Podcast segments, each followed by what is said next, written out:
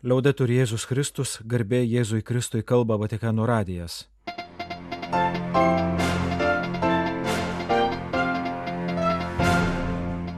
Malonus klausytojai šioje programoje. Popiežius susitiko su Ukrainos prezidentu Volodymyru Zelenskiu. Audiencijose katalikių moterų organizacijoms Pranciškus paminėjo kultūrinių ideologijų pavojų, o žemdirbiams iš Ispanijos pažymėjo, kad jie yra pirmieji ekologai popiežiaus audiencija naujiems ambasadoriams ir potvarkiai liečiantis Vatikano konstituciją. Šeštasis Velykų sekmadienis.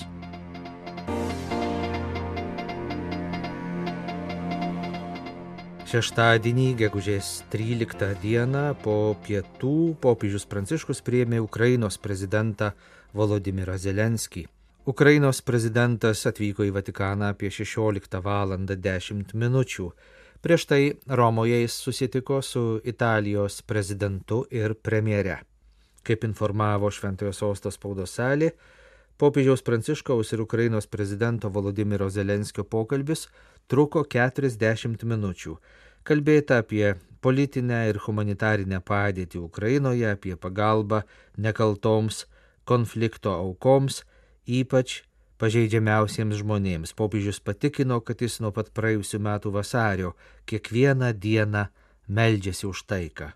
Susitikimo proga popiežius Ukrainos prezidentui padovanojo taikos simbolį bronzinę alyvmedžio šakelę, taip pat kelis leidinius taikos tematika. Savo žinę šių metų pasaulinės taikos dienos proga, 2019 m. dokumentą dėl žmonių brolybės, taip pat knygą Enciklika apie taiką Ukrainoje, Prezidentas popiežiui padovanojo meno kūrinį pagamintą iš neperšaunamos liemenės plokštės ir paveikslą Netektis sukurtą per karą Ukrainoje žuvusių vaikų atminimui. Po popiežiaus audiencijos Ukrainos prezidentas susitiko su Šventojo sosto sekretoriumi santykiams su valstybėmis ir tarptautinėmis organizacijomis arkivyskupu Polu Richardu Galageriu. Gegužės 13 dieną Pranciškus audiencijoje priemė pasaulinės moterų katalikių organizacijų sąjungos delegaciją, kuri su popiežiumi susitiko prieš pat savo generalinę asamblėją Syžiuje. Popiežius moteriams linkėjo būti plakančia šeimos ir visuomenės širdimi tuo metu, kai ideologijos siekia ardyti moters antropologinę tapatybę. Sveikindamas delegaciją, šventasis tėvas drąsino, kaip ir šventosios dvasios įkveptos, šios pasaulinės moterų organizacijos teigėjos, atviromis širdimis ir akimis žvelgti pasaulį, girdėti daugybės neteisingumą, apleidimą, diskriminaciją ir skurdą, patiriančių moterų bei mergaičių skundą. Šiandien pasaulyje yra skubus poreikis atrasti taiką, kuri visų pirma prasideda širdyje, dažnai sergančioje, draskomoje neapykantos ir apmaudo. Se usa como instrumento. Pavojus iškilo ir antropologiniai moters tapatybei, nes ją instrumentalizavo politiniai ginčiai ir kultūrinės ideologijos, ignoruojančios grožį, su kuriuo jos buvo sukurtos. Būtina labiau vertinti moters gebėjimą užmėgsti santyki ir dovanoti, o vyrams geriau suprasti abipusiškumo, kurį jie skulingi moteriams turtingumą, kad būtų atgauti tie antropologiniai elementai, kurie apibūdina žmogiškąją tapatybę taip pat ir moters tapatybę, jos vaidmenį šeimoje ir visuomenėje, kur ji niekada nenustoja būti plakančia širdimi, kalbėjo popiežius Pranciškus. Pasak jo pirmasis Biblijos puslapis pasakoja, ką reiškia moters nebuvimas. Tai reiškia vienatvę. Vyras be moters yra vienišas. Žmonėje ir kultūra taip pat vieniši. Kur nėra moters, ten vienatvė, vienatvė sausra, kelianti liūdėsi ir visokiojopą žalą žmonijai. Kur nėra moters, ten yra vienatvė, pakartojo popiežius. Jis priminė, kad pasaulinės moterų katalikių organizacijų sąjungos delegacijos audiencija sutampa su Fatimo švenčiausiosios mergelės Marijos minėjimu. Į Mariją žvelgiame kaip į tobulą pavyzdį, kaip išgyventi motiniškumo dovaną ir priimti rūpinimuose uždavinį, taip pat ir mūsų atžvilgiu. Šiuo požiūriu jam skaudu, pridūrė popiežius, kad Fatimos Marijos šalyje įtvirtintas eutanazijos įstatymas leidžiantis žudyti. Ir jūs kaip moteris turite dovaną ir užduoti visur, kur esate. Marija jūs te moko kurti gyvybę, visada ją saugoti, švelniai ir atjaučiančiai, bendrauti su kitais, suderinti tris kalbas - proto, širdies ir rankų. Kaip jau esu sakęs, tikiu, kad ypač moteris turi gebėjimą mąstyti tai, ką jaučia, jausti tai, ką galvoja ir daro, ir daryti tai, ką jaučia ir galvoja. Raginu jūs kleisti tokį jautrumą, vardant tarnystės kitiems, pridūrė Pranciškus. Šeštadienio gegužės 13 dienos audiencijoje Ispanijos jaunųjų žemdirbių asociacijos delegacijai popiežius pasakė, kad realiame gyvenime ekologiją kuria jie, žemdirbiai, o ne, nors taip pat būtini ir naudingi, ekspertų vertinimai, žinios ir projektai socialiniuose tinkluose. Yra mokslas, kurį galima įgyti tik gyvenimu ir patirtimi. Viven mirando al cielo y desde que se levantan hasta que se acuestan reconocen. Jūs gyvenate žvelgdami į dangų ir nuo tos akimirkos, kai pabundate, iki tos, kai einate miegoti, jūs supančiame, čirvėjame, maurojame, kitose garsuose atpažįstate gamtos džiaugsmą arba baimę, truškimus ar pasitenkinimą. Tai garbė ir aišku didelė atsakomybė. Geriau pagalvojus, pašaukimas, kurį jums davė Dievas, yra būti integralios ekologijos, kurios šiandien reikia pasauliui liudytojais. Tai pirmasis pašaukimas, nes jo šaknis glūdi Dievo žodžiuose pradžios knygoje, kai jis pakvietė žmoniją bendradarbiauti, kuriant kūrinyje, kalbėjo Pranciškus. Žemdirbio pašaukimas anot jo derina žemės įdirbimą ir rūpesti žemę su visuomenės poreikiais. Dievas prašo įgautas žemės žvelgti kaip į dovaną, kurią ši karta paliks kitai. Panašiai kviečia galvoti ir apie žemdirbių produktus, skirtus jo žmonių alkio numalšinimui. Valkstama ne vien duonos, bet ir paties Dievo, kuris nesudvėjojo ir pats tapo maistu kiekvieno žmogaus širdžiai. Para que este inmenso bien que Dios nos regala no se convierta en arma Būtina stengtis, kad didžiulis Dievo mums duotas gėris netaptų ginklu, pavyzdžiui, ribojant maisto produktų tiekimą konfliktų krečiamoms populiacijoms. Kad nebūtų palengtas spekulacijos mechanizmams, manipuliuojančiais produktų kainomis ir prekyba dėl vienintelio tikslo gauti dar didesnį pelną. Tai turime pasmerkti, dėl to mums turi skaudėti širdį. To nenusipelno gyvūnai, kuriais atsidavusiai rūpinatės, to nenusipelno žmonės, dėl kurių entuziastingai dirbate, to nenusipelno Dievas. Tai įžeidžia ir juos, ir juos, pabrėžė popiežius Pranciškus. Anot jo, kaip ir kiekvienas pašaukimas, taip ir žemdirbio gyvenimas turi kryžių. Kas augina gyvūnus, tam nėra nei šventinių, nei streiko dienų. Dar skaudžiau, kai jo toks esminis darbas, maisto užtikrinimas, yra nuvertinamas ar net peikiamas. Popiežius su jaunųjų žemdirbių asociacijos nariais iš Ispanijos atsisveikino padrasinimu. Eikite pirmin, būkite žemės poetai. Šeštadienį, gegužės 13 dieną, Islandijos, Bangladešo, Sirijos, Gambijos ir Kazakstano ambasadoriai įteikė popiežiui skiriamuosius raštus. Sveikindamas penkių šalių atstovus Pranciškus kalbėjo apie sudėtingą, liūdinančią ir netgi trikdančią dabartinio pasaulio gyvenimo situaciją, taikos ir teisingumo stoką, kuri šaukėsi skubių ryštingų sprendimų. Popiežius paminėjo dabartinę padėtį Sudane, Kongo Demokratinėje Respublikoje, Mianmare, Libane ir Jeruzalėje, Haityje, tebesitęsia karas Ukrainoje. Be to matome didėjančią priverstinę migraciją, klimato kaitos padarinius ir daugybę žmonių visame pasaulyje, kurie vis dar gyvena skurde. Quando impareremo dalla storia che le vie della violenza, dell'oppressione, dell'ambizione sfrenata di conquistare le terre non giovano al bene comune?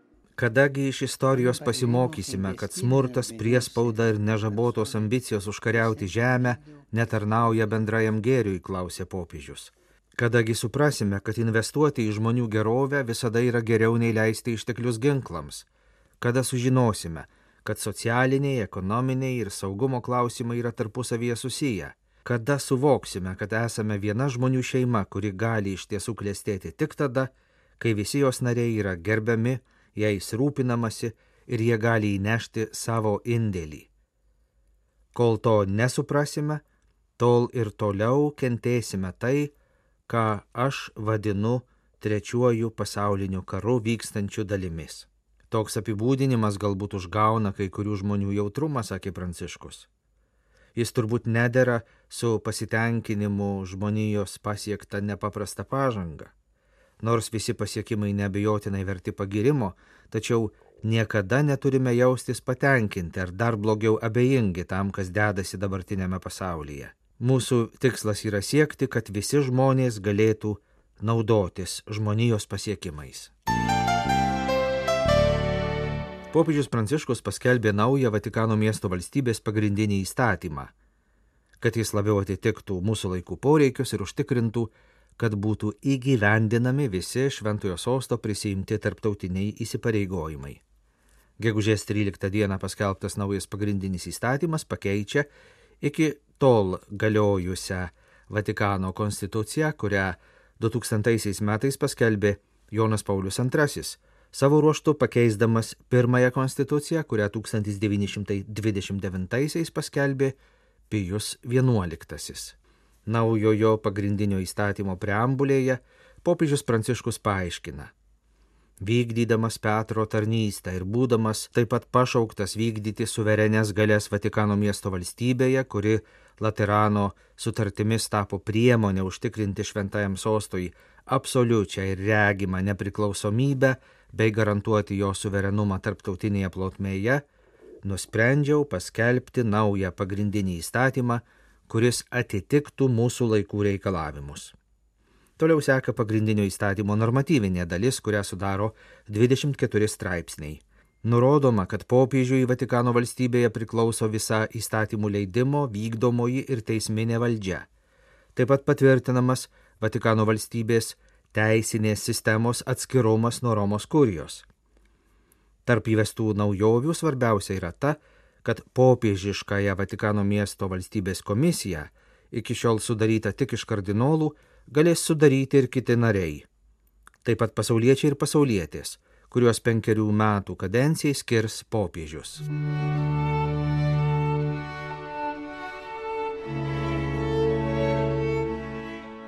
Šeštasis Velykų sekmadienis iš Evangelijos pagal Joną. Jėzus kalbėjo savo mokiniams. Jei mane mylite, jūs laikysitės mano įsakymų. Aš paprašysiu tėvą ir jis duos jums kitą globėją, kuris liktų su jumis per amžius. Tiesos dvasia, kurios pasaulis neįstengia priimti, nes jos nemato ir nepažįsta. O jūs ją pažįstate, nes ji yra pas jūs ir bus jumise. Nepaliksiu jūsų našlaičiais, ateisiu pas jūs. Dar valandėlį ir pasaulis manęs nebematys, o jūs mane matysite, nes aš gyvenu ir jūs gyvensite. Tai dienai atėjus jūs suprasite, kad aš esu savo tėve, o jūs manyje ir aš jumise. Kas pripažįsta mano įsakymus ir jų laikosi, tas tikrai mane myli, o kas mane myli, tą mylės mano tėvas, ir aš jį mylėsiu, ir jam apsireikšiu.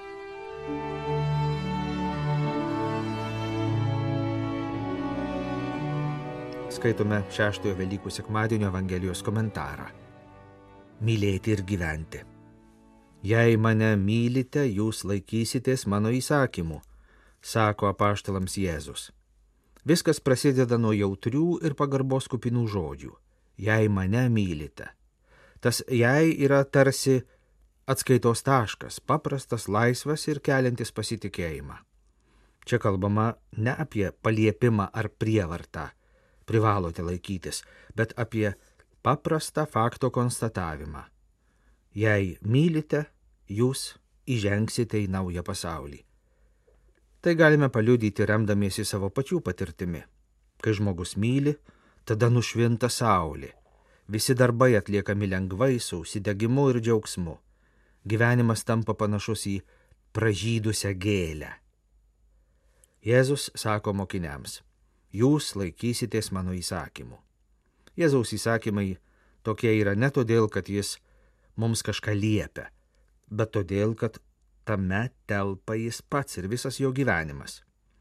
Jei mylite mane, gyvensite kartu su manimi Tokia yra jų prasme ir tikslas. Jei myli Kristų, jis gyvena tavo mintyse, žodžiuose ir juos perkeičia. O tu pradedi pažinti tą laisvės, ramybės, atleidimo, padengtų stalų ir draugiškų apsikabinimų, gerų santykių ir gyvenimo grožio jausmą. Pradedi gyventi gerą, gražų ir palaimingą Kristaus gyvenimą.